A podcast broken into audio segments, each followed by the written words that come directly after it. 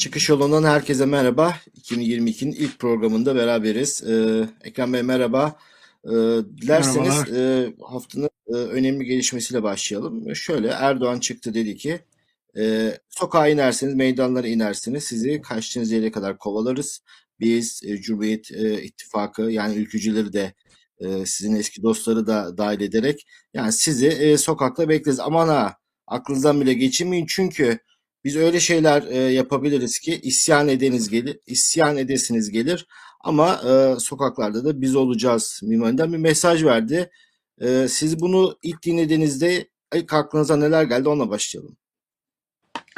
Ben uzun zamandan beri e, Erdoğan'ın yaptığı konuşmaları Erdoğan'ın psikolojisi içerisinde e, çözümlemeye çalışıyorum. Çünkü başka türlü çözümü yok. Yani nasıl bir psikoloji içerisinde ki bu cümleleri sarf ediyor diye düşünüyorum. Mesela geçenlerde e, cibiliyetsiz işte bilmem ne yani şu an benim yayında bile söylememin bir nezaket sınırlarını aşma olarak değerlendirilebileceği ve Türk siyaset tarihinde, Türkiye siyaset tarihinde hiç duyulmamış ağır hakaretler ederek insanlara bir şeyler söyledi. Kemal Kılıçdaroğlu'na Çok bir şeyler daha söyledi. çok daha ağırlarını Bahçeli'ye söylememiş miydi? Çok daha ağırlarını Bahçeli'ye söyledi. Meral Hanım'ı doğrudan tehdit etti. Bunlar sizin daha iyi günleriniz dedi.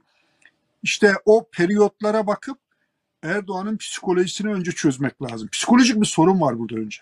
Yani hakikaten keşke psikologlar, vatansever psikologlar, hatta AKP sever psikologlar, hatta Erdoğan seven psikologlar bir araya gelse e, bunu böyle bir dinlese yani e, dese ki bu ne, nedir bunun e, şuur altındaki patlamaya hazır öfkesi nedir?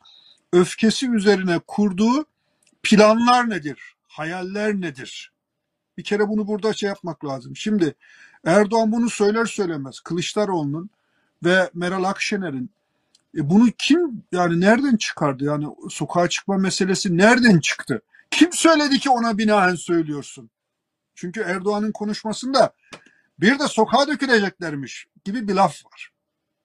Şimdi eğer öyle bir laf varsa sözün sahibi kimdir? Kılıçdaroğlu mu öyle bir şey demiş? Meral Akşener mi öyle bir şey demiş?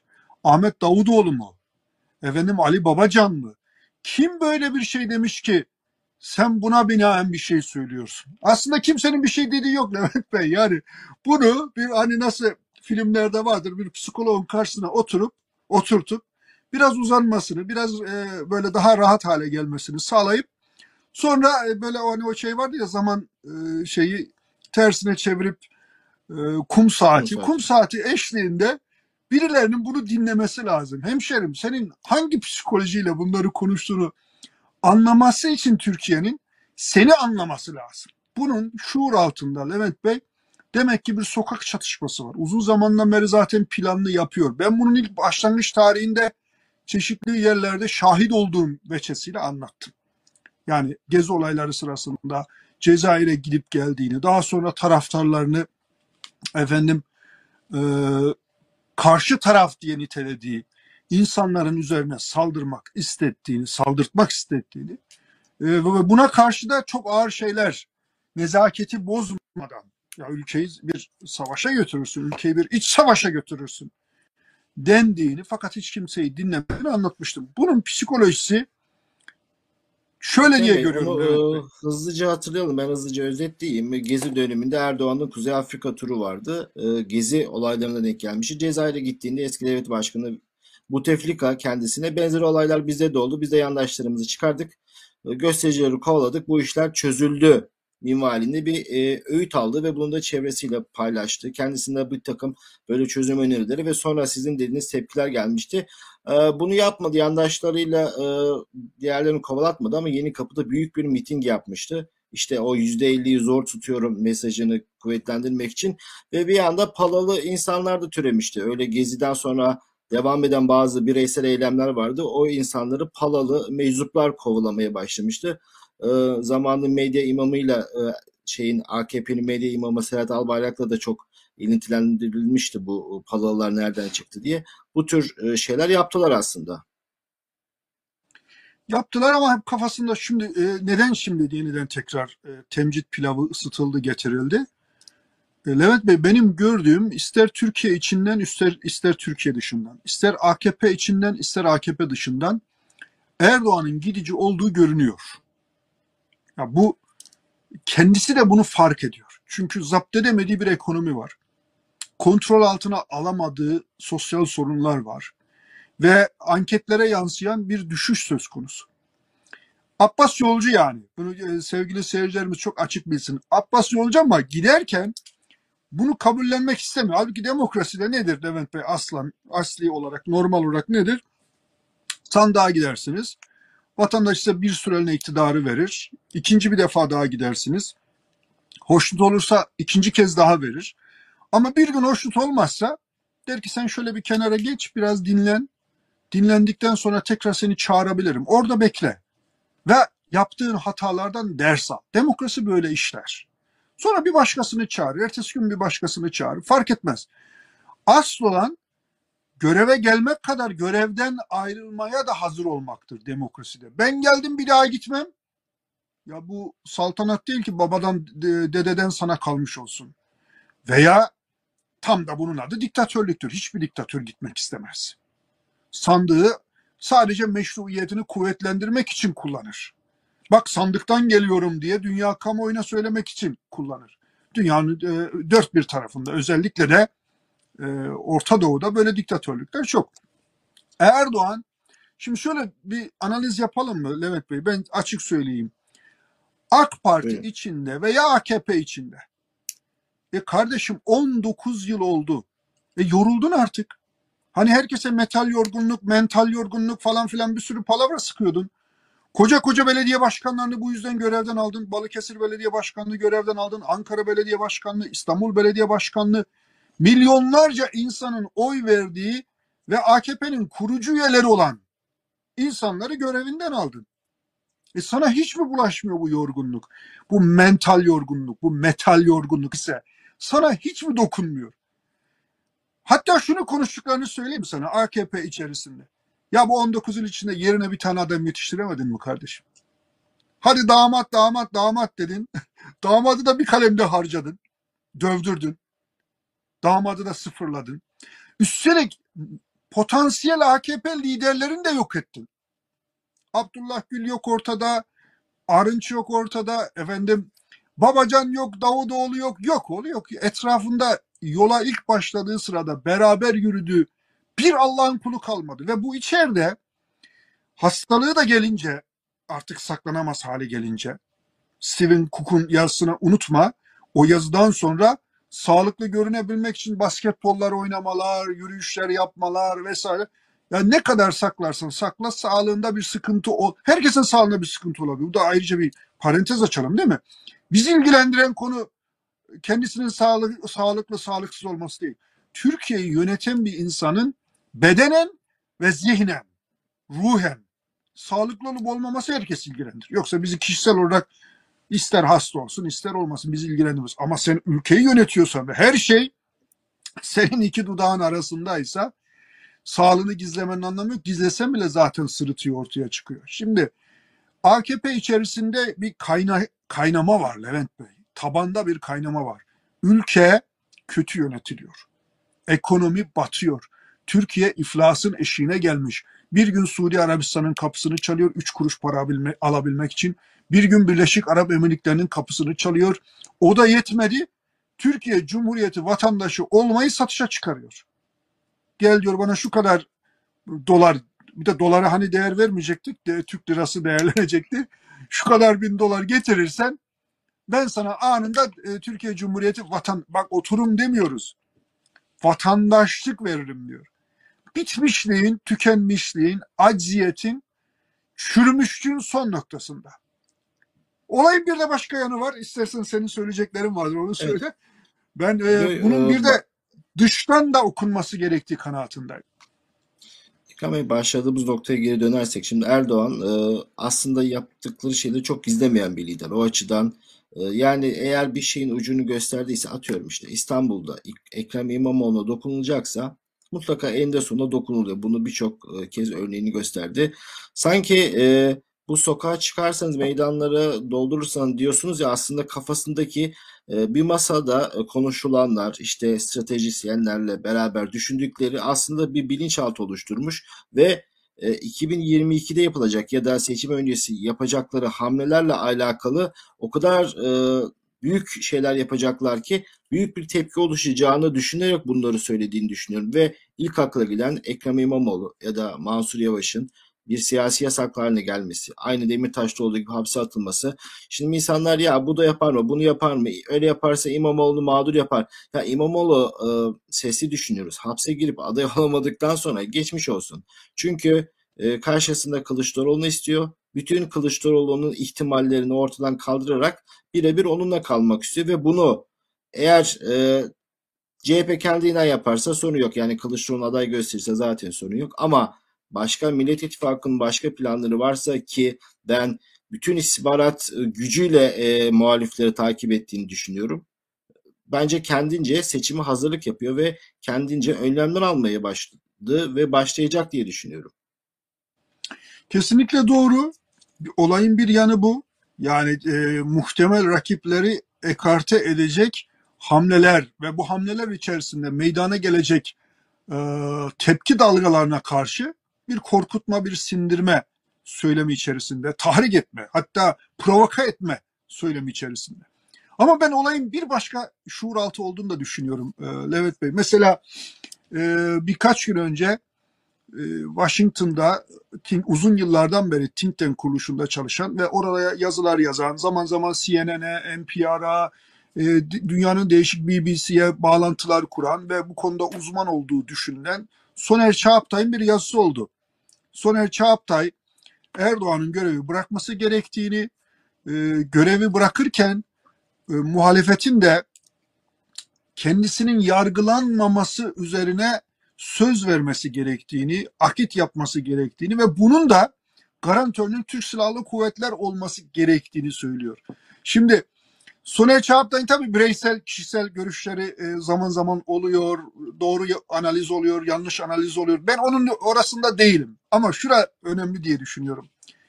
Washington dahil dünyanın birçok yerinde Erdoğan sonrası meselelerde, think tanklerde, beyin fırtınası şeklinde konuşuluyor olmalı ki o konuşmalar sırasında ortaya atılan tezlerden birisini dile getiriyor Soner Çağaptay. Ya sen artık gidicisin, seni tutmak mümkün değil. Gel garanti al.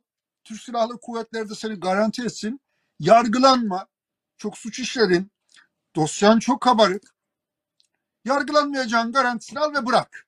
Şimdi bu bir Şöyle, yandan e, bazen e, gündeme gelmek için özellikle Amerika'daki Türkiye uzmanlarının bazen e, yani Çağatay ben çok credible bir insan bulmadığım için hani çok ciddiye de almıyorum. E, Çağatay bu süreçte yaptığı Türkiye analizleriyle e, bence defalarca yetersiz olduğunu, sınıfta kaldığını göstermiş bir e, uzman. Ama işte yıllardır e, Amerika'da bir çevre yapmış, foreign policy gibi e, önemli bir yerde çıktı. Siz acaba şunu mu demek istiyorsunuz? Bu Çağatay'ın e, şahsi görüşü değil. Bu birilerinin görüşü. Türkiye bu geçişi yumuşak yapsın. E, şiddet sarmalına girmeden Türkiye bu geçişi yapsın diye Erdoğan'ın önüne seçenekler konuyor mu demek istiyorsunuz? Erdoğan gittiğini görüyor. Erdoğan'ın yakınları da gittiğini görüyor.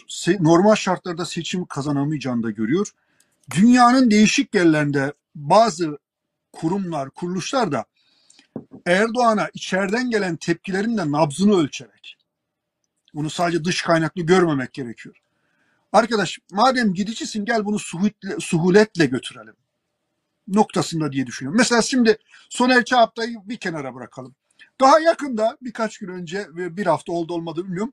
James Jeffrey'in açıklamasına ne dersin?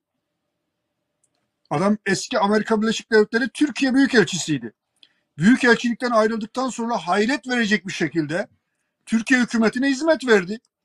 Türkiye hükümetine Erdoğan rejimine maaş ve maaş karşılığında uzmanlık yaptı. Geçenlerde tuttu dedi hiç ki kimsenin e, satın almadığı deli saçma senaryoları da seslendirdi. Yani bedeli karşılığı seslendirdi.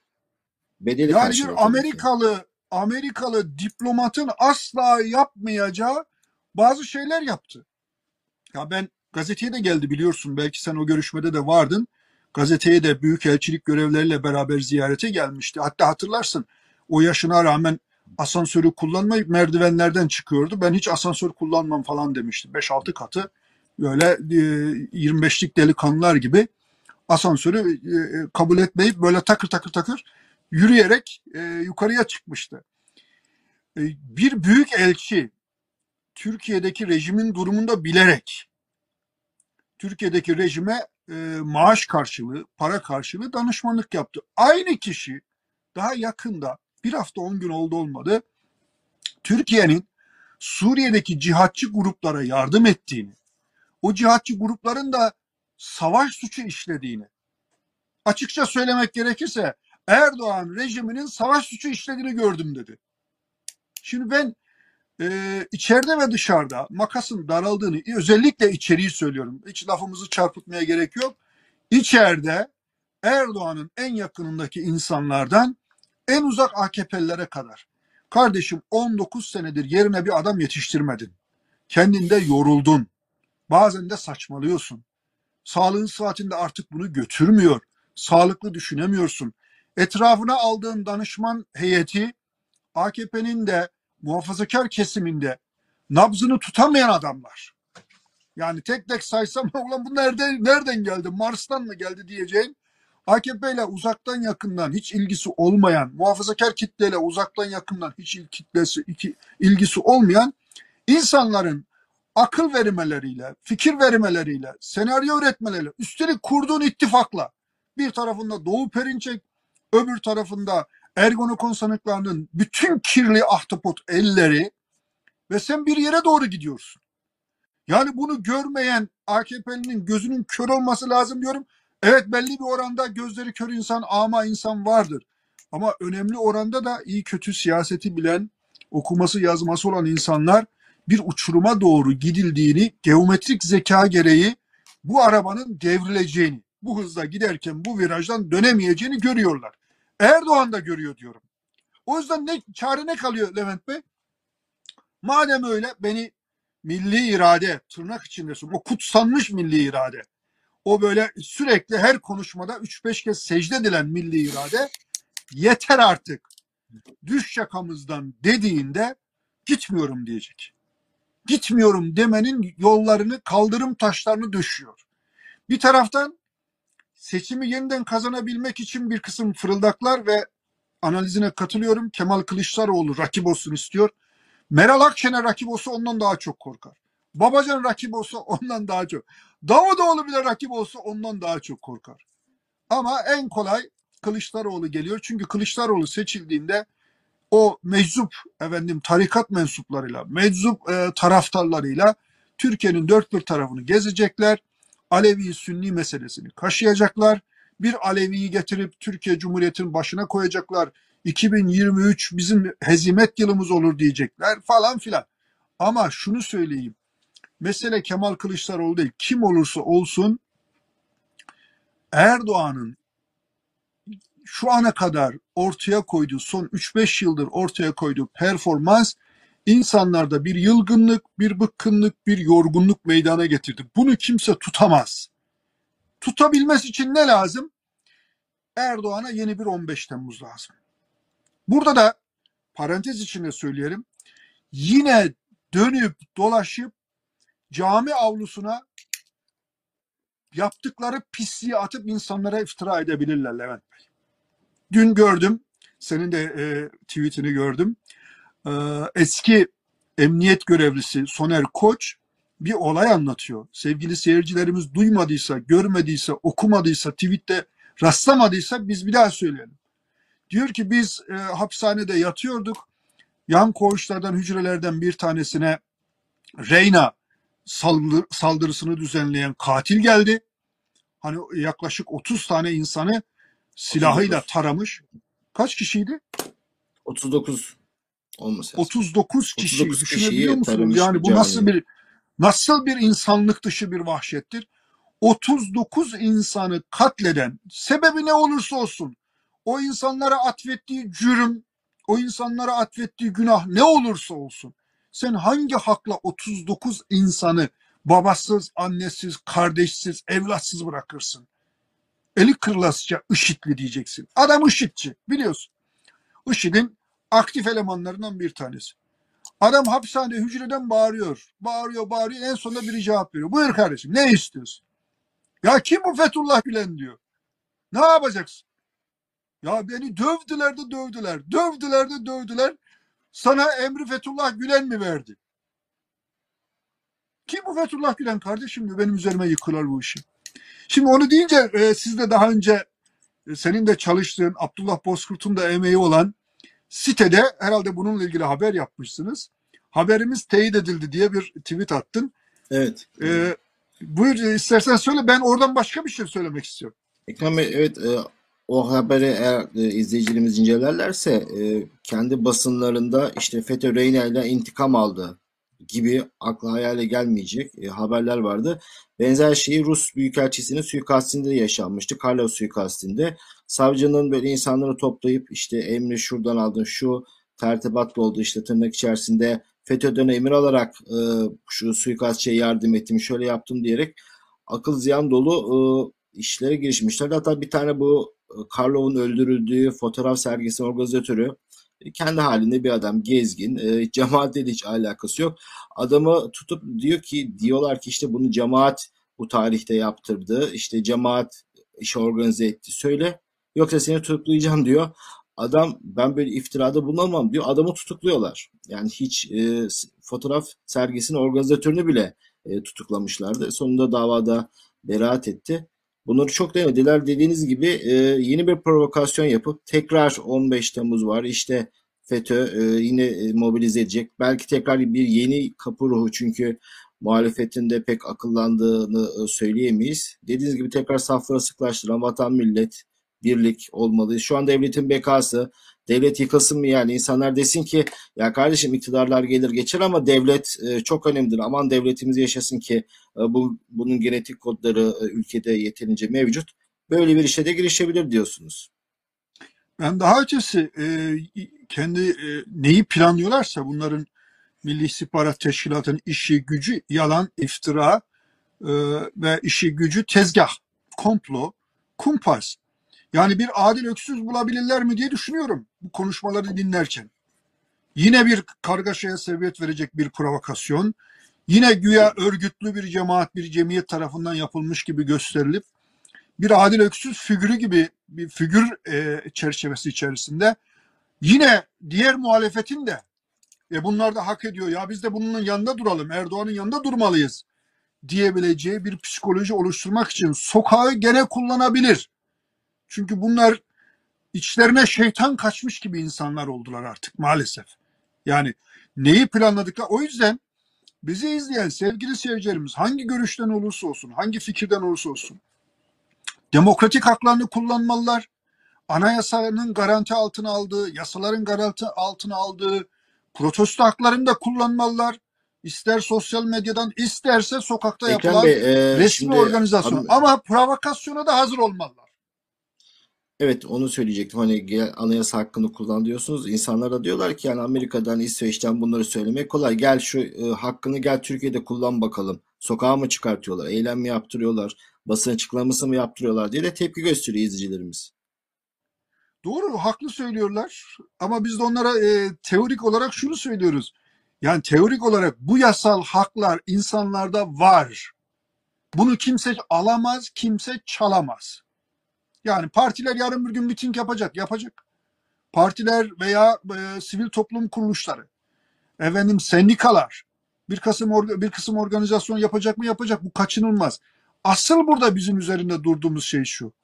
Bu işlerin içinde çeşitli tezgahlar, fırıldaklar olabilir. Çünkü adamın niyeti, şuur altı, psikolojisi tamamen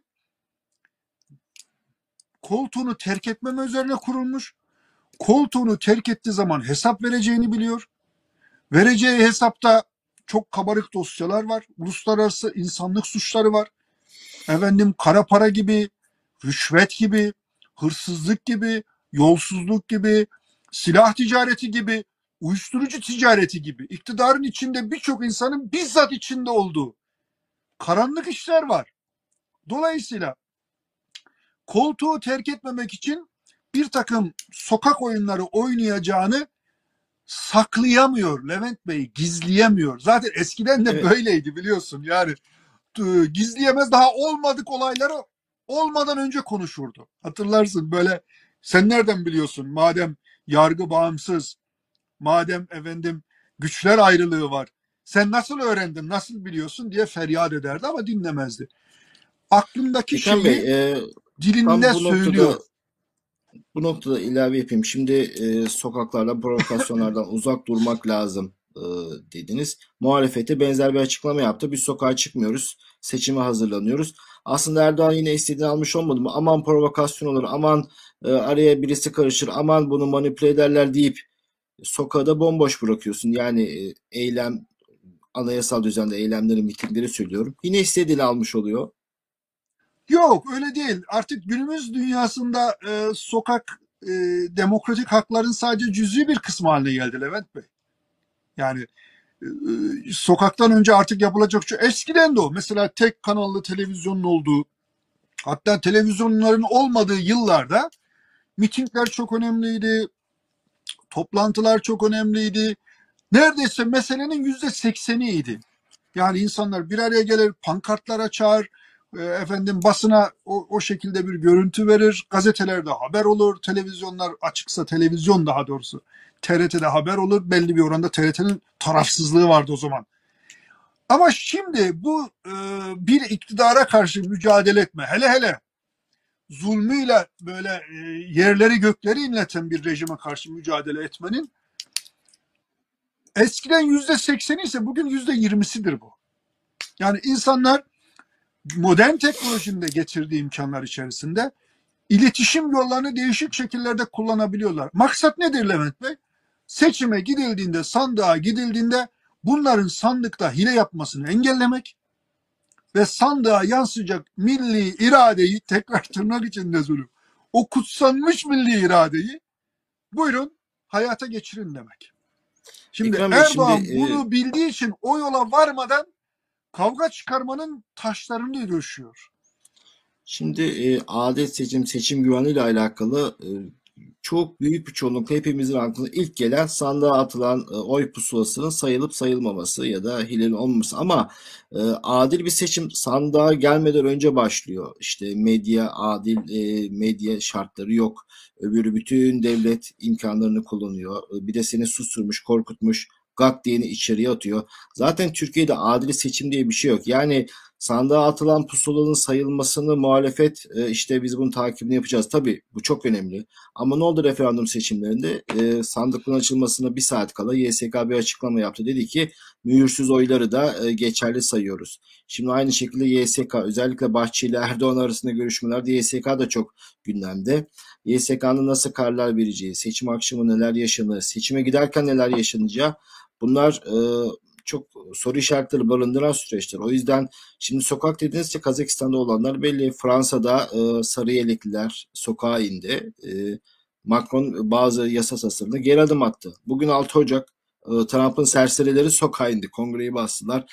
Yani sokak o kadar da işlevsiz değil hala. Eyvallah. Fakat e, asıl olan şey, asıl olan noktayı unutmamalıyız. Erdoğan'ın söylemi bitti. AKP'nin söylemi bitti. Halka vaat ettiği yeni bir şey yok Levent Bey. Ya bu rahatlığı muhalefetin yaşaması lazım. Bunun tadını çıkarması lazım. Getirin bir kahve içelim demesi lazım. Ayağını ayağın üzerine atıp ee söyle bakalım başka ne söylüyorsun demesi lazım. 2010-2013'ten beri AKP'nin Türkiye'ye sunduğu bir paket, bir proje, bir model, bir öneri var mı Allah aşkına? AKP'nin demokrasiden vazgeçti. Türkiye'nin yörüngesini AB'den aldı. Rusya, Çin, İran bu üçlünün çizdiği yörüngeye de 28 Şubat yörüngesi denir. 28 Şubat'ı bilenler de bunu çok iyi bilirler. Yani para basmak, efendim Avrasya denilen bir çerçeve içerisinde Türkiye'nin yörüngesini batıdan alıp buraya yerleştirmek. Şimdi hal böyle olunca yani seçimi normal şartlarda kazanamama olunca dediğin gibi YSK'yı da kullanabilir, medyayı da kullanır. Ama şunu söyleyeyim. Atalarımızın söylediği harika bir laf vardır. Taşıma suyla değirmen dönmez. Taşıma e, taşımak e, sandıklarla seçim kazanılamaz. Bir kere kazanırsın. İsmet Paşa onu hayatında büyük bir hata olarak yapmıştır. Ama ondan sonra Demokrat Parti'nin efsaneleşmesine sebebiyet vermiştir. Yani öyle taşıma suyla değirmen dönmediği gibi taşıma efendim sandıklarla da seçimi biraz hileyle zaten her seçimde belki bir hile var. Belli bir oranda var. Ama şunu da iyi bilmek lazım. Bu hile oranı yüzde yirmiye, yüzde otuza ulaşamaz. Çünkü o kadar da aptal değil insanlar. Hala Türkiye'de ölmemiş bir kısım mekanizmalar devam ediyor. Bu mekanizmalar da öldürebilir, öldürebilir ama o zaman da Türkiye kalmıyor ortada. Kimsenin buna güveni kalmaz. Kapıları tamamen kapatmış olursunuz.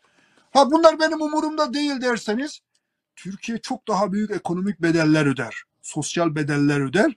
Dolayısıyla muhalefetin şu rahatlığı e, hissetmesi lazım. Kardeşim ben çok iyi organize olacağım. Sesimi duyuramadığım, senin ihlal ettiğin, senin işgal ettiğin havuzun dışında mecralarda sesimi duyuracağım. Buna dair çok mecra var Evet Bey. Yani tembellik etmezlerse, tembellik etmezlerse, kapı kapı dolaşabilirlerse, insanlara sosyal medyayı da iyi kullanabilirlerse, iletişim yollarını açabilirlerse ki bu konuda büyük hataları var muhalefetin. 200 200 me- medya merkezi kapatıldığında 2000, 3000, 5000 gazeteci işsiz kaldığında toplam gazeteci işsiz kalan gazeteci sayısı 10 bin üzerine çıktığında İşte yani o dediğiniz kahveyi o zaman içiyorlardı. Muhalefet bunu yaşayacak. İşte o, işte o zaman o kahveyi içiyorlardı böyle bacak bacak üstüne atıp kahvelerini Ya. içiyorlardı. Evet. Ekrem Bey, e, bu işin tabii dış güçler diyorlar ya yurt dışı e, ayağını unutmamak lazım. Avrupa Birliği'nin de çok endişeli çünkü zaten göçmen ci- ciddi bir göçmen sorunları var. Türkiye'nin bir sosyal patlamaya ulaştığı ya da Türkiye'deki iktidar değişikliğinin büyük bir kargaşaya dönüştüğü yerde tekrar bu sefer Türkiye Cumhuriyeti vatandaşlarının göçmen olarak akın edeceği endişesi hep var. Hatta hep eleştiriler Erdoğan rejimini e, zımni bir destek verdikleri göçmenleri tutma, al şu parayı göçmenleri tut sana da e, rejimini devam ettireceğiz. Çünkü güçlü bir liderlik AB'nin istediği bir liderlik. E, güçlü bir e, otoriter bir lider var. Göçmenleri tutabiliyor. Bir sübap, bir sigorta gibi. O yüzden e, AB'nin aslında Erdoğan hükümetin devamını biraz da bu yüzden istiyor. Ama ekonomik gerçekler, sosyal gerçekler, siyaset yıllardır iktidarda olması eninde sonunda frenleyemeyecekleri bir şey. Sanki Batı Erdoğan'a bir kapı açıp kendi çıkarları doğrultusunda tabii ki bu iş bir patlama olmadan e, gel bu iş çözülsün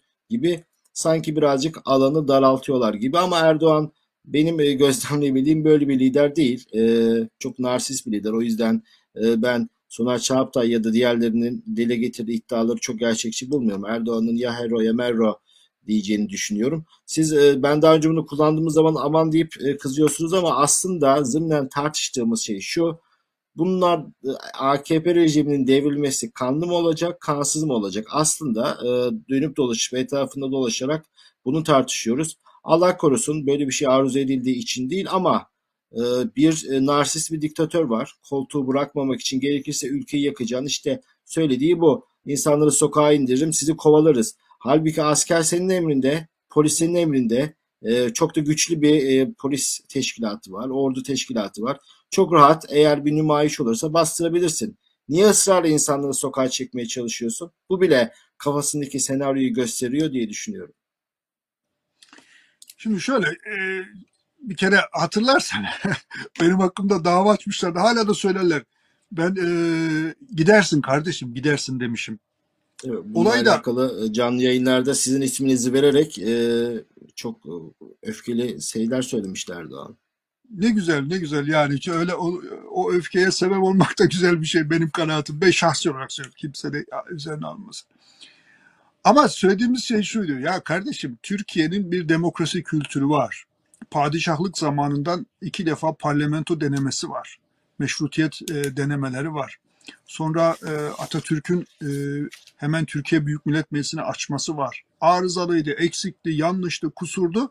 İyi kötü bir e, alışılmış bir model var. Şimdi sen parlamentoyu ortadan kaldırsan bile 12 Eylül öyle yapmıştı.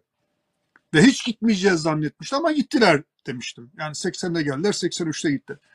Sonra bu gidersin lafına çok alınınca ben dedim tam mi lafımdan yoksa geri dönüyorum e, kardeşim. Evren Cumhurbaşkanı olmamış mıydı? E, Nasıl gittiler? Oldu ama sonunda Özal'ın eline geçti iplerin bir kısmı. Yani Evet yani Ö- evet. Özal e, eğer o kadar şey olsaydı Özal o tarihe damgasını vuramazdı. Tabii Sonuçta e, vatandaş bazı gitti seçti. ülkelerdeki gibi e, askeri hükümet kurup yıllarca ülke idare etme olmuyor. Genelde zaten bazılarının, bazı ulusolcuların, bazı fanatiklerin eleştirdiği de bu. Ya darbe yapıyorsun sonra hemen sivillere bırakıyorsunuz diye de e, orduyu eleştirirlerdi biliyorsunuz. İşte memleketin solcusu da bu kadar demokrat. Yani Erdoğan'a karşı çıkıp da Stalin'e e, secdeden adamdan şey olur mu? Sosyal demokrat olur mu? Yani memleketin solcusu da bu kadar solcu. Neyse. Şimdi şunu diyeceğim. Tamam sözümden geri vazgeçiyorum. Şöyle diyelim sonra. Erdoğan hiç gitmeyecek. Rahat edeceklerse böyle diyelim bari Levent Bey. Hiç gitmeyecek arkadaş. Hiç ölmeyecek. Ya böyle bir şey yok. Hayatın gerçeğine uygun değil bu ya. Gidecek arkadaş.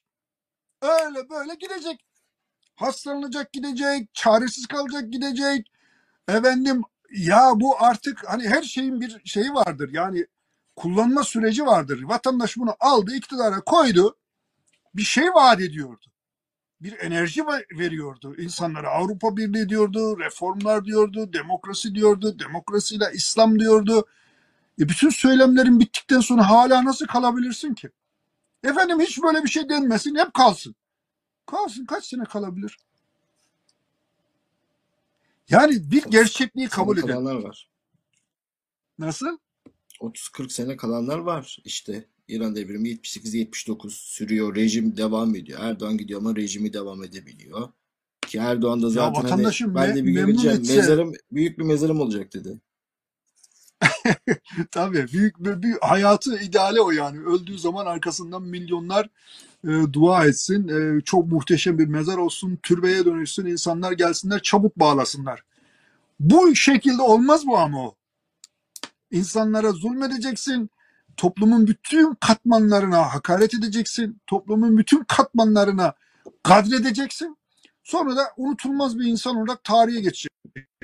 Goy goycu seçim kazanabilmek için buna Mehdi gazı da veriyor. Mehdi'sin sen falan diyor. Ulan Mehdi hidayete vesile olan adamdır. Hidayet de mertebe mertebedir. Ya gelir bazı insanlara güzellikler anlatır veya güzelliği anlamış insanların iç derinliğinde yeni yeni güzellikler oluşturur. Hırsızdan Mehdi olur mu? Yolsuzdan Mehdi olur mu? Yalancıdan Mehdi olur mu? İnsanları birbirine kırdırandan Mehdi olur mu? Zalimden Mehdi olur mu? Ama görülen o ki bütün masala bütün şeyleri piyonlarını masaya sürüyor. Bir taraftan el altından hilafet meselesi konuşturuyor. Halife geliyor 2023'te yeni bir tarih açılıyor. Hatta onunla ilgili uydurulmuş hikayeler yazılıyor, söyleniyor. Kalbi manevi ameliyat olmuş da bilmem ne olmuş da bir sürü bu hikayelerle kandırma. Bir taraftan milis kuvvetler paralı askerlerle sokağı e, ellerinde tutmaya çalışma. Bir tarafta devletin kurumlarını adalet mekanizması başta olmak üzere hor bir şekilde, hoyrat bir şekilde kullanma. Ama ben de diyorum ki ya bunun sonu yok. İnsanlar düş yakamızdan dediği zaman bir tiksinti süreci devam ettiği müddetçe ki o tiksintiye sebebiyet veren sensin. Elindeki bütün imkanlara rağmen insanlarda sana duyulan nefreti ve tiksintiyi meydana getiren bizzat sensin. Ben de diyorum ki bilerek söylüyorum. AK Parti'nin, AKP'nin içinde fokur fokur fokur kazanlar kaynıyor. Diyorlar ki yeter ya kardeşim ya. Bizi herkese düşman ettin. İçeride herkese düşman ettin. Dışarıda herkese düşman ettin. Hani böyle sıfır düşman politikaları vardı. Hani toplumun tamamını kucaklama vardı içeride. Dışarıda da herkese el uzatma vardı. Şimdi herkesle kavga ediyor. Bu arada Ermenistan'a bir çiçek atıyor. Kim inanır bu şeyin e, çiçek sevdasına? Dolayısıyla diyorum ki misyonu bitmiş bir e, hükümeti, bir rejimi kolay kolay kimse taşıyamaz. Ama sen bir şey yapıyorsan mesela Merkel ayrılıyor değil mi? Muhaliflerinin bile büyük oranda alkışladığı bir lider gidiyor. Neden? Bu kadar yıl demokrasinin içerisinde kaldı. Çünkü hep topluma yeni bir şeyler verdi. Ortaya çıkan onunla çözmeye çalıştı. Yani muhalif E, Mer- Merkel'e de tavsiyede bulundu. Sizde koalisyonlar oluyor falan bak işte bizim sistem e, sağlam. Merkel bile şaşırmıştı. Yani e, neredeyse 2. Dünya Savaşı'ndan beri koalisyonla e, yönetilen Almanya'da e, şey siyaset e, önerilerinde bulunmuştu Erdoğan. E, ben açıkçası Türkiye düşmanı e, bir ülke olsam, e, grup olsam Erdoğan'ın kalabildiği kadar görevde kalması isterim. Çünkü kaldığı her gün Türkiye'nin fakirleştiği, güç kaybettiği bir gün. E, şu dakikaya kadar bizi görev icabı izleyen e, devlet memurlarını da e, şey yapalım, bir güzellik yapalım, kullanabilecekleri bir yer verelim. Şu an Kazakistan'da olaylar e, çok fazla gündemde. E, Cumhurbaşkanı da %95 ile seçilmişti. Yani o popüler oy oranları e, her zaman da şeyi gerçeği işaret etmiyor. Yakılıp giden diktatörlerin neredeyse yüzde yüze yakın sandıkta başarıya ulaştığı gibi. Ekrem Bey e, süremiz uzadı. E, bugün bir köşesi vardı. Barış Pehlivan o cimri cemaat düşmanlarından e, şu şeyi sevmiyor. Böyle sevmediğin gıcık olduğunuz bir adam vardır ama böyle işinize gelen bir kısmını çekip e, böyle şer bir adamın şeylerini kullanmak istemiyorum ama cemaat düşmanı olduğu için yazdığının bir e, karşılığı var. E, biliyorsunuz Ahim e, hakimlerle alakalı e, tarihi bir karar vermişti. E, tutuklanmalarının büyük bir özgürlük gaspı olduğunu, suçüstü yapamazsınız demişti. Bununla alakalı ahim yetkilileri, Adalet Bakanlığı yetkilileri bir araya gelmiş, notlar aktarılmış. Abdülhamit Gül, e, benim dediğim en büyük adli münafık Abdülhamit Gül de meseleyi Erdoğan'a aktarmış Barış Pehlivan'ın yazısına göre. İşte ahim böyle böyle kararlar verdi. Erdoğan'a demiş ki ya madem elinizde delil yok niye tutukladınız? Hani Merkez Bankası rezervleri erirken ben yoktum, e, Cumhurbaşkanıydım der gibi o zaman adamları niye tutukladınız dediği iddia ediliyor yazıda. Erdoğan'ı şaşırtmayacak e, bir lafı ama yine de e, teyide muhtaç. E, siz böyle dediğine inanır mısınız? bir şu ana kadar tekzip olmadı. Doğru ya tekzip oldu benim haberim yok. Sen duydun mu böyle te- Ya ben de tekzip oldu görmedim. mu? Bugün yazısıydı. Ha, E, tek- belki Abdülhamit Gül bir açıklama yapar. Yani bir tekzip olmaması e, muhtemelen böyle bir diyalog olmuş olabilir e, fikrini insanın aklına getiriyor. Tipik Erdoğan önce insanları ateşin önüne sürer sonra bana mı sordunuz der. Yani bu bir, bir değil iki değil bin tane olay sayarız yani şeyde Marmara e, gemisiyle şeye giden Mavi Marmara gemisiyle Filistin'e giden insanlara önce sahip çıktı. Kimden izin? Otorite benim. Ben izin veriyorum diye havalar attı, civalar attı böyle. Bir U dönüşü yaptı, bir O dönüşü yaptı. E ardından aynı Erdoğan da aynısını yaptı. Bana mı Yine sordunuz vururuz. e, Rus uçağında da benzer mesele oldu biliyorsunuz. İlk başta büyük bir kahramanlık hikayesi gibi. Yine vururuz sınırlarımızı ihlal etmeseydiniz dedi. Sonra da işte yok şucular bucular vurmuş diye de e, kurtulmaya çalıştı. Hemen e, Putin'e gidip de e, özür dilemişti. Çok sık yaptığı bir şey Erdoğan'ın. yani Erdoğan'ın şeyi bu böyle kıvrak e, oportunist yaklaşımı bu. E, Ergonokon'un savcısıyım diyen Erdoğan Ergonokon'un kucağından inmiyor şimdi. Yani daha buna benzer 50 tane şey söyleyebilirim. Senin özel değil e, nedir? E, e, Genel genel. genel genel diye bağıran sonra deniz devlet şeye e, Deniz Bey'e sahip çıkar ayaklarıyla başka şeyler yaptı. Yani bu bir değil iki değil bu çok alışıla gelmiş bir şey. Bunun esas tehlike çanları şu herhalde e, Barış Bey de ona işaret ediyor. Hakimlere diyor ki sizi satıyor.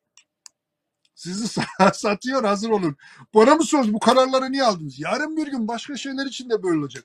Baylok diye bir saçmalık çı- çıktığında bana mı sordunuz diyebilir.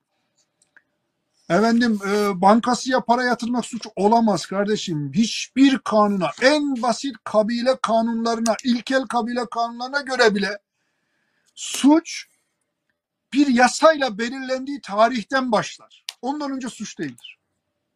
Ya böyle bir suç olamaz. Falan okula gitmek suç mu? Filan yere gitmek suç mu? Ya bunlar hepsini Erdoğan'ın talimatıyla yaptılar. Şey doğru söylüyor. Ee, Erdoğan Bayraktar hani 27 17 Aralık'ta e, meselesinde dedi ki ben bunu hepsini günün başbakanı Erdoğan'ın talimatıyla yaptım. Ben istifa ediyorum o da istifa etmesi lazım demişti. Fakat Erdoğan hiç üzerine almadı. Daha sonra adam bir daha açıklama yaptı. Benim tapelerimdeki her şey A'dan Z'ye doğrudur dedi. Ama Erdoğan bu hemen e, adamı görevinden alır, harcar, da kuşa yem eder. Kendisinde ortaya der ki ben yoktum. Benim haberim yoktu. Bana söylemediler. Bu bürokratların aklını başına devşirmesi lazım. Dış yani ister dış e, hariciyede isterse içeride emniyette adalette insanlar bugün bir kışkırtmayla vahşi bir şekilde masum kitleleri yok ediyor. Ama yarın bir gün hukuk karşısında hesaba çekileceği zaman benim haberim yoktu ben öyle demedim diyecektir. Birisi de çıkacaktır at izi itizine karşı diyecektir. Atları itlere birbirine kırdıracaktır. Ama kimin ne fırıldak çevirdiği daha ayan beyan ortaya çıkacağı günler göreceğiz. Güzel günler göreceğiz. İnşallah diyelim. E, laf Erdoğan ağzına yakışıyor. Yani Erdoğan'ın e, böyle satışçı, ikiyüzlü, e, yalancı özelliklerini bildiğimiz için laf Erdoğan ağzına yakışıyor. Yani bu lafı demiş midir? Demiştir diyeceğimiz e, bir kulis haberi. Ama e, ben e, yine de teyide muhtaç oldum diyorum. Şunu da söylemiş. Ya görevden aldın, defettin, tutuklama vesaire. Başka bir şekilde söylemiştir. Yani çünkü cemaat nefretini de düşününce ya delil yok madem tutuklama saydınız gibi e, çok makul bir laf edeceğini zannetmiyorum. Önü arkası mutlaka vardır. Ama bu meale gelecek sözlerde söylemiştir. Yani bizi zor bırakacak, kendini zor bırakacak şeyler yapmadan bu işi çözseniz demiştir. Ama dediğiniz gibi bu işkenceciler, bürokratlar, irili ufaklı e, görünen şu çok satıp çıkacaklar üst düzeyler. Yani şimdi diyelim ki hamile kadınları, e, çocuklu anneleri haksız yere tutuklar. Bu insanlar yarın öbür gün haklarını alacaklar çatır çatır. Tazminatını alacaklar maddi manevi. E, yani niye tutukladınız ki çocukları? E, hamile kadını niye tutukladınız? Benim haberim yok bile. E, çok rahatlıkla diyebilir. Bütün işkenceleri zaten onların hiç kurtuluş yok. İnsanlığa karşı işlenmiş suçların zaman aşımı da yok. Onlar için geçmiş olsun. Ee, Erdoğan gelecek gidecek ama onlar için hiç bitmeyen her e, yastığa başlarını koyduklarında acaba bugün mü kapım çalınacak, bugün mü vakit geldi diye bir ömür geçirecekler. Ee, Ekrem Bey e, eklemek istediğiniz bir şeyler varsa onları da alalım. Ee, bugün de bitiriyoruz. Yani 2022'nin güzelliklere vesile olacağını e, düşünüyorum. Hayırlara vesile olacağını düşünüyorum. Tekrar e, sevgili seyircilerimizin yeni yılını kutluyorum. Zor dönemden geçiyoruz, geçeceğiz. Ama umut asla terk etmemek lazım. E, sonuçta yiğitler düştüğü yerden kalkarlar. Türkiye'de düştüğü yerden kalkacaktır diye umut ediyorum. Evet, e, inşallah diyerek e, sözlerimizi bugün son verelim. Değerli izleyicilerimiz, biz izlediğiniz için çok teşekkür ediyoruz. Her programda söylediğimiz gibi yorumlarınız bizim için çok değerli. Beğenip beğenmeme e, butonuna basmanız çok değerli. Etkileşim çok önemli. Sizden bu konuda da katkılarınızı bekliyoruz. Haftaya Perşembe tekrar görüşmek üzere. Hoşçakalın.